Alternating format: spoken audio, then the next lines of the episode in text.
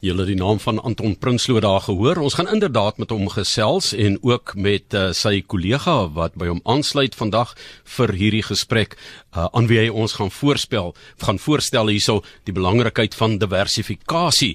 So uh, ons gaan uh, kyk daar na die belangrikheid van diversifikasie. Uh, ja, mens moet eintlik sê hoekom dit die afgelope paar jaar nie so goed gewerk het nie en hoekom die opbrengste die afgelope 2 3 3 4 jaar miskien redelik laag was en hoe meer gediversifiseerde belegger belê was, hoe swakker was sy opbrengs. So die vraag is, werk diversifikasie nog? Gaan kyk hoe na die belangrikheid daarvan, die regte manier om te diversifiseer in 'n beleggingsportefeulje en die absolute absolute noodsaaklikheid om 'n finansiële plan te hê en daarbey te hou deur tye soos die afgelope paar jaar. Is uiters belangrik, so sê Anton Prinsloo. So Ek het gesê die afgelope 3, 4 jaar Anton was die wêreld 'n vreemde beleggingsplek en opbrengste was aan die laerige kant.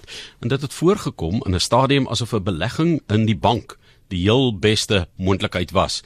Wat ten minste weet ek, die opbrengs is dan so 6.5 na 7%. So Anton, gesels met ons daaroor. Goeiemôre Johan. Ja, dis vir my en uh, Denise vir baie lekker om hier te wees vanoggend. En uh dit is so, jy weet jy het nou 'n paar 'n paar dinge genoem rondom jy weet die belangrikheid van diversifikasie, maar verseker ook as 'n mens die afgelope paar jaar 'n gediversifiseerde portefeulje gehad het, dan het jy gevoel, "Jog, opbrengste was so swak. Dit sou eintlik vir jou beter gewees het om maar net in die bank te wees." En ehm um, en tye soos soos dit wat ons beleef het die laaste paar jaar, is dit so dat dat geldmarkbeleggings, dat staatseffekbeleggings, beleggings wat rente verdien, op die oog af beter doen as kapitaalgroeibates soos byvoorbeeld aandele en eiendom. So jy weet hoewel diversifikasie en mense verstaan dit oor die algemeen baie goed, baie belangrik is, het dit vir 'n Suid-Afrikaanse belegger gevoel die laaste paar jaar asof dit nie regtig werk nie want opbrengste was nie baie baie goed nie. En die oomblik as 'n mens voel jou opbrengste is nie goed nie, dan begin jy twyfel. Jy begin twyfel oor of jou portefeulje reg is of dit reg gestruktureer is en dan begin jy wonder of jy nie jou geld eerder minder gediversifiseerd moet belê en net op een plek soos byvoorbeeld in die bank moet hê nie. En dis baie keer wanneer dit gebeur dat 'n mens verkeerde beleggingsbesluite neem. Ja, ek sal um, net hier wil byvoeg dat ons daagliks voor kliënte sit en ek sê baie keer vir Anton dit voel baie keer asof jy meer soos 'n sielkundige sessie het as wat jy 'n finansiële sessie het want jy moet help om die mense um, dat 'n emosie beheer word in moeilike marktye soos nou. En um, ons kliënte en mense daar buite is gekonfronteer met um, om uit die mark uit te skuif en in in minder uh, kapitaalgroei bates in te skuif want ten minste weet jy wat op jy ou end gaan kry. En dis dan wanneer dit belangrik is wat jy die verkeerde besluite kan neem en en op die langtermyn kos dit jou definitief. So jy moet hulle so kalm soos 'n psalm hou Denise. Net so. hoe hoe lyk 'n tipiese gediversifiseerde portefeulje? Wel, um, ek sal eers net hier met die basiese begin en verduidelik na die die verskillende bateklasse waarin ons kyk wanneer jy jou geld kan belê. So eerstens Anton het al 'n bietjie gepraat oor geldmark, so dis tipies kontant. 'n Money market rekening hoor ons baie keer sê kliënte het hy. Staatseffekte So dit is as jy in Engels praat van bonds, mense hoor baie van jou ehm um, bonds. En ehm um, die derde een kyk jy na eiendom. Dit kan in enige vorm wees van vaste eiendom wat jy fisies die huis besit en gelyste eiendomme. En dan het jy ook um, aandele. En dit is belangrik om ook te besef as jy verder na diversifikasie gaan kyk, dan kan al vier hierdie bateklasse kan ook in die binneland of in die buiteland gehou word. En dis ook belangrik om deur jou portefeulje te gaan kyk. Um nie net op produkvlak of die tipe belegging wat jy het nie, maar om dieper te gaan kyk om te sê watter bateklasse hou jy in jou portefeulje om dan effektief te gaan kyk hoe hoe gediversifiseerd is jou portefeulje tussen hierdie vier bateklasse. Nou ja, 'n tipiese gediversifiseerde portefeulje wat dan opgebou is uit uit beleggings soos ehm um, wat Denise nou genoem het, die geldmark staatseffekte eiendom en aandele. So tipiese gediversifiseerde portefeulje sou byvoorbeeld so 10 tot 15% in 'n geldmarkfonds hê, jy weet 10 tot 15% sou in staatseffekte belê wees.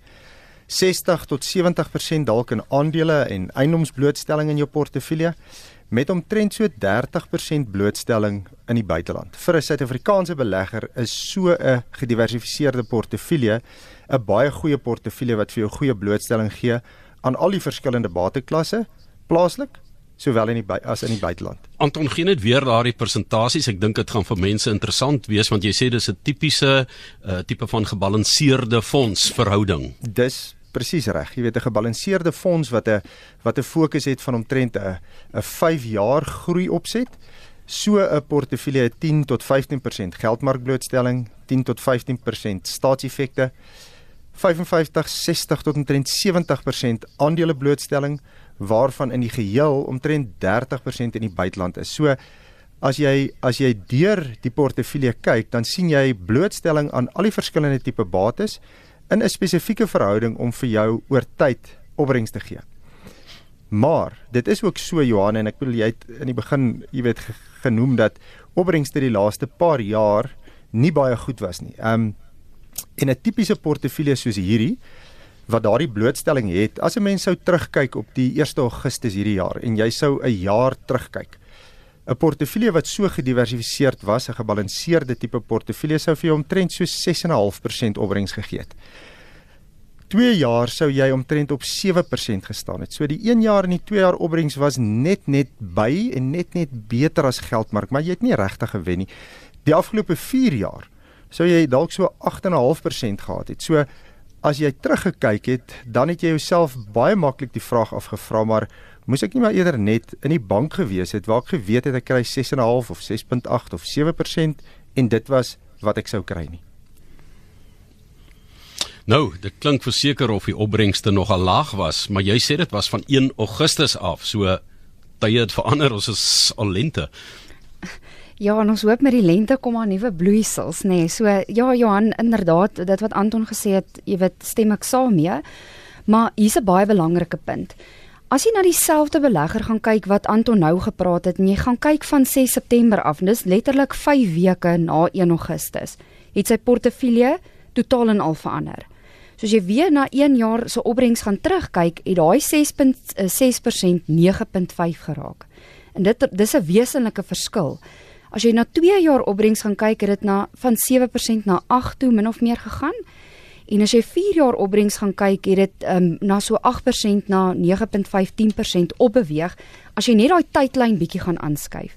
So skielik in 'n kwessie van 5 weke het jou opbrengsprentjie totaal en al verander. En dit is nou as gevolg van die waarde van diversifikasie want verskillende dele van jou portefeulje gee op verskillende tye vir jou opbrengs.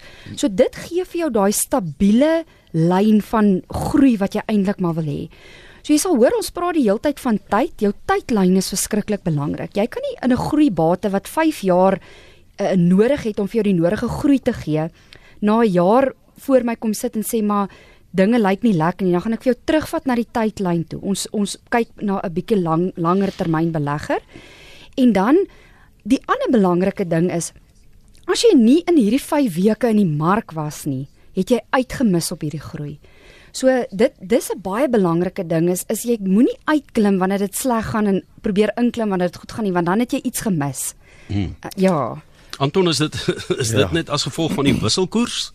Johan nie net as gevolg van die wisselkoers nie nee.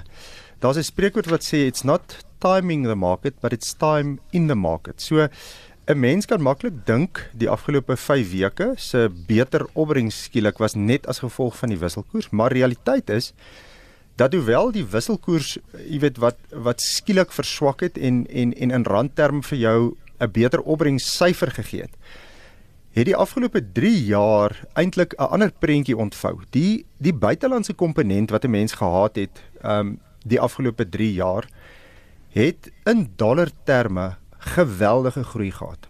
So geld wat in die buiteland was in die Amerikaanse mark met Donald Trump en al sy, jy weet, ekonomiese, eh, jy weet, aktiwiteit wat dit wat dit afgevuur het in Amerika, het buitelandse markte omtrent die laaste 3 jaar, 3 en 'n half jaar omtrent 40% gegroei in dollar terme. Dit beteken as amper omtrent 15% 'n jaar wat die groei was die afgelope die afgelope 3 jaar. Vir ons uit 'n Suid-Afrikaanse hoek uit, het 'n mens gesit en as jy hulle terugonthou, jy weet Desember 2015 met die hele oorgang van ehm um, jy weet na na na Nene toe die rand het so verswak. Hy was op 'n stadium hier by R16.80. Jy weet daarna van Desember 2015 af vir die 2 jaar wat volg tot Desember verlede jaar het die rand stelselmatig versterk na omtrent so R11.40 toe. So die rand het het 30% sterker geword oor 'n 2 jaar periode. In daardie tyd, soos ek nou net gesê het, het die buitelandse komponent van mense se geld in dollar terme verskriklik goed gegroei. Man rande het jy dit nie gesien nie. Sodat dit vir jou gelyk asof jou portefeulje nie eintlik iewers heen op pad is nie. Hoewel in dollar terme dit baie goed gedoen het, het die versterkende rand eintlik iets daarvan negeer. En skielik van Desember verlede jaar af, ehm um, met Cyril Ramaphosa se verkiesing, het die rand wat aanvanklik sterker geraak het, omtrent 30% verswak tot nou. Jy weet, um op 'n vlak oor die net so oor die R15. En skielik nou met die rand wat verswak het, sien 'n mens die voordeel van dit wat in dollar terme ook gebeur het. Dat die groei wat in dollar terme was vir jou jou dollar basis in jou portefeulje so verbreed het dat met die rand se verswakking het dit skielik nou vir jou opbrengs bygesit in 'n kwessie van 5 weke wat um, wat 'n mens amper nie kan dink moontlik is nie. Maar ons het nou eintlik begin en en redelik baie gepraat oor opbrengs. Jy weet want dit is vir mense 'n belangrike ding om te te hoor en te sien heeltyd. Maar is belangrik dat 'n mens nie by opbrengs eintlik vashak as jy praat oor beleggings en en strukturering van beleggings nie, want daar's eintlik 'n beginsel wat agter goeie opbrengs lê en dit is die beginsel waaroor ons gesels oor diversifikasie. Mense moet dit verstaan en dan moet 'n mens dit reg toepas en dan moet 'n mens die regte tyd daaraan gee om deur te kom en vir jou dan oor tyd goeie opbrengs te kan gee. Nou maar kom ons laat wiel Denise, kom ek vra dan, wat is diversifikasie en hoekom is dit belangrik? Okay, so ons almal ken die spreekwoord jy moenie al jou eiers in een mandjie belê nie. So ons stem 100% saam daarmee. So jy moet verskillende mandjies vir jou eiers hê, maar terselfdertyd moet jy verstaan dat elke mandjie se rol en samestelling en plek in jou groter plan in jou portefeulje sy plek inneem. En dan die rede hoekom ons diversifiseer en ons het nou nou 'n bietjie gepraat oor 'n emosionele ding is dit help jou om om risiko wat bring dit bring 'n mate van vrees so dit help jou om daai risiko te bestuur. So die oomblik as jy jou 'n verspreiding het in jou portefeulje, beskerm jy jouself teen kapitaale verlies oor tyd. So ek gaan hier twee voorbeelde noem. Steinhoff is is almal weet wat in Steinhoff gebeur het. So kom ons sê jy het al jou aandele in Steinhoff gehad want op 'n sekere tyd het dit uitermate gegroei vir jou gegee. En die dag wat Steinhoff gebeur het, is daar 'n 96% in vermindering in daai portefeulje. Het jy 96% van jou portefeulje uitgewis? As jou portefeulje gediversifiseerd was en jy was byvoorbeeld 10% daarin, het jy dit nie gevoel soos wat 'n ou was wat nie gediversifiseerd was nie. Verlede week MTN 60% vermindering in die aandeel. Ons mark het dit gevoel. Soos jy byvoorbeeld in iets was wat daai tipe blootstelling was en jy was nie goed gediversifiseer nie, het jy dit ook in jou portefeulje gevoel. Sien vir ons as Suid-Afrikaanse beleggers, ehm um, jy weet, wil ons gediversifiseerd wees om ons risiko te versprei, maar ons wil ook gediversifiseerd wees Johan om seker te maak dat ons 'n goeie opbrengs oor tyd kry. En wat is 'n goeie opbrengs? 'n Goeie opbrengs is 'n opbrengs wat inflasie oor tyd gaan klop. As ons as Suid-Afrikaners geld belê en ons klop nie inflasie met ten minste 4% oor tyd nie, dan gaan ons nie eintlik vooruitgaan in terme van ons ons kapitale basis bou en ons welvaart beskerm nie. Geldmark en staatseffekte kan dit nie vir 'n mens doen oor tyd nie. Die laaste paar jaar het hulle dit dalk reg gekry, maar 'n mens het groeibates nodig om dit in jou portefeulje te kan laat realiseer. En dis hoekom 'n mens diversifiseer, is om seker te maak dat jy genoeg groeibates het terwyl jy ook ander bates het wat vir jou oor tyd darm die tweede risiko kan kan kan afweer en dis dat jy inflasie kan klop met jou geld. Ons wil nou kyk en ons gesprek afsluit. Ehm um, Anton, met hoe diversifiseer mens dan nou jou portefeulje? Johan diversifikasie van 'n portefeulje begin by 'n plan en as daar nou een ding is wat 'n mens nie moet diversifiseer nie, dan is dit jou plan. Met ander woorde, jy moet verstaan wat jou doelwit is, jy moet verstaan finansiëel wat jy wil regkry en waarheen jy op pad is en dan moet jy 'n plan kry oor hoe jy dit gaan regkry. En So 'n plan kan mense baie keer nie vir hulle self doen nie en dit gee ons ook bestaansreg in die industrie. Met ander woorde, jy moet vir jou iemand kry wat jou kan help om 'n finansiële plan op te stel. Diversifikasie is nie om byvoorbeeld drie verskillende adviseurs te sien en met elkeen net oor 'n gedeelte of oor jy weet 'n komponent van jou finansies te gesels nie. Want dan is daar geen oorkoepelende plan en oorkoepelende struktuur nie. Maar as jy 'n plan het en iemand verstaan daai plan en iemand help jou om jou doelwitte te kan formuleer en dit om te skakel in 'n portefeulje, dan kan 'n mens begin om jou portefeulje saam te stel en te diversifiseer. En dan is daar basies 3 aspekte hoe 'n mens jou portefeulje diversifiseer. Die eerste een is jy diversifiseer jou portefeulje in verskillende tydshorisonne. Met ander woorde, as jy jou finansiële plan opgestel het, dan verstaan jy wat is jou korttermyndoelwitte, jou mediumtermyn en jou langtermyndoelwitte. Ehm um, en dan kan jy jou portefeulje volgens hierdie horisonne begin diversifiseer en dan kan jy weet watter hoeveelheid van jou geld moet jy aan geldmark toedeel, aan staatseffekte, jou korttermyngeld dan kan jy ook verstaan hoe jy aandele, gebalanseerde fondse, eiendom in die res van jou portefeulje moet insluit, asook jou buitelandse komponent want jou tydshorisontne bepaal hoe daai diversifikasie moet lyk. Ja, ek sal um, Anton het al die eerste een tydshorison genoem. Um die volgende een is fondsbestuurder. So ons het nou net gepraat van 'n bateklas. Jy het vier bateklasse, maar baie keer in in baie gevalle is kliënte by 'n fonds. So hulle belê by 'n fondsbestuurders. So in Suid-Afrika en in die buiteland is daar baie goeie fondsbestuurders. Maar iemand moet jou help om sinvol te kies want ek het nou nog gesê as jy deursigtig gaan kyk onderliggend lê daar 'n bate allocasie. En dan help mens jou om te diversifiseer sodat jou keuse vir verskillende fondsbestuurders kan bydra om jou finansiële doelwitte doelwitte te bereik. En dis belangrik om te verstaan hoe hierdie fondsbestuurders um, na jy weet hulle hulle bates kyk. Jy kry groeibestuurders, jy kry waardebestuurders, so jy moet verstaan ook na watter tipe bate bateklasse hulle kyk om hulle doelwitte te bereik in jou portefeulje. Dan die derde een wat jy kry is geografiese diversifikasie. So Anton het gepraat van jou termyne kort tot langtermyn. So jou korttermynfondse moet glad nie aan die wisselkoers blootgestel wees nie. En dis dan nou tipies daai daai lekker eetbate. Is met ander woorde, jy slaap lekker in die aand, daar's nie verskriklike wisselkoers wat plaasvind nie en jy weet jou inkomste wat jy kry is nie elke maand verskil dit nie. Verder tot jou ehm um, tot jou korttermynbates, Johan, jou mediumtermynbates kan so 20 tot 30% buitelandse blootstelling, jy weet, insluit. Met ander woorde, dit is al waar jy begin om vir jouself bietjie beskerming in te bou teen uh die die volatiliteit van van ons eie geldeenheid en die toestande in ons eie in ons eie land. Op jou langtermyn gedeelte kan 'n mens enige iets van van 25, 30 tot omtrent 60% van jou geld in die buiteland blootstel. Omdat ons in Suid-Afrika deel is van opkomende markte en ons geldeenheid oor tyd maar 'n verswakkende geldeenheid is en ons uitgelewer is aan dit wat besluit word in in ander dele van die wêreld teenoor opkomende markte. As gevolg daarvan moet 'n mens jouself met jou medium en veral jou langtermyngeld goed beskerm met buitelandse blootstelling. Maar buitelandse blootstelling is nie net ter wille van die wisselkoers nie, inteendeel.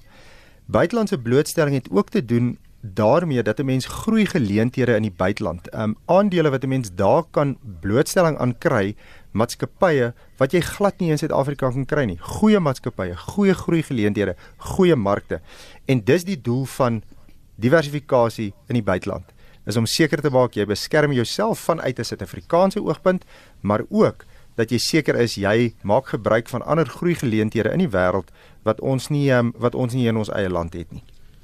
Ja, jy hoef nie aan 'n tersiêre inrigting te behoort om hierdie riglyne te kry nie. Dit is vandag van Anton Prinsloo en Denise Fourie wat vir ons um, in hierdie moeilike tye uitstekende riglyne gegee het. Tydshorisonne, fondsbestuurders, geografiese diversifikasie. Ek sien al hoe maak die mense hulle antwoorde in hulle notas daar, maar uh, dit was dan hier in ons uh, program waar ons gekuier het saam met ons gaste vandag hier in die ateljee wat in die Johannesburgse ateljee ateljee sit so terloops. Ons hoor net mekaar, ons sien nie mekaar nie, maar ons praat dieselfde taal en hulle is van PSG Well Silver Lakes George Sentraal en Mossel Bay. Dias, Anton Prinsloo en Denise Fourie en ek dink mense het dit baie sinvol gevind volgens die SMS wat ons ook hier gekry het. Sarel daar van Mossel Bay sê, "Dankie RSG vir die praatjie. Dit gee mes iets om oor te breinstorm." En dan vra iemand Anton, "Hoeveel geld kan 'n persoon mee begin om te belê?" Dit is nou skalk wat so vra. Kyk Johan, om te begin belê in 'n effekte trust fonds kan jy so min as R2000 hê. Jy weet jy kan so min as R250 'n maand belê. So so jy weet, solank as wat 'n mens iets het, kan jy begin en die beginsel van spaar is geweldig belangrik. En ek sê vir julle baie baie dankie vanoggend vir die praatjie en dan wil ek hê jy moet weer vir ons afsluit met die resep Dit is daai resep wat jy vir ons gegee het oor 'n gebalanseerde fondse samestelling. Ek dink 'n paar mense wil dit graag weer neerskryf en daar op hulle yskaste plak en dis nou hulle finansiële yskaste uh, Anton wat vir ons 'n tipiese gediversifiseerde portefeulje vir 'n Suid-Afrikaanse belegger gegee het hier hoe 'n gebalanseerde fonds se samestelling moet lyk. So gee vir ons gou daai bestanddele en persentasies weer Anton. Nee, dis reg. Johan, uh, wat ons gesê het is omtrent so 10 tot 15% ehm um, geldmarkblootstelling, 10 tot 15% staatseffekte, dis jou rentekomponent dan 60 tot 70% is aandeelblootstelling en eiendoms, jy weet aandeelblootstelling met omtrent 30% in die buiteland. Maar dit is as jy mens sê 'n riglyn, jy weet, is dit regtig net dit. Um 'n mens se eie behoeftes gaan bepaal of jy dalk 'n groter komponent geldmark staatseffekte moet hê of jy dalk 'n groter groeibehoefte moet of het en daarom ook 'n groter deel aan die aandelekant uh jy weet moet hê. Ek dink die belangrike deel ook net ehm um, en dis waarmee ons begin het ook, jy weet uh, in in in moeilike tye soos hierdie afgelope naweek ehm um, in die rapport, ou uh, Nico van Geysen het so ongelooflike goeie artikel geskryf wat gaan oor jy weet die resessie en mense beleggings en die vraag is wat moet jy nou doen? En ek dink die belangrikste antwoord daar was jy moet as jou plan reg is, moet jy nou niks doen nie. Jy moet hou by jou portefeulje en by jou strategie en as jy sou besluit om iets te verander, moet jy eers baie baie oordeelkundig daaroor dink advies kry daaroor en 'n sinvolle besluit maak want is nie 'n korttermyn besluit nie, dit moet 'n besluit wees vir die langtermyn. Ek noem dit Anton en Denise se geldkoek resep vandag hier. en ek wil vir julle baie dankie sê Anton en Denise, sal julle asseblief vir ons julle besonderhede gee as mense hierdie gesprek wil opvolg en met julle wil gesels daar by PSG Wealth Silver Lakes George Sentraal of Mossel Bay Dias. 100% eh, Johan, dankie. Hulle is welkom om uh, die kantoor te skakel by uh, 0861 089190. Uh my e-posadres is anton.prinsloo@psg.co.za. Ja, my ehm um, selfde nommer daar kontak en ehm um, my e-posadres is denise.f vir fourie by psg.co.za.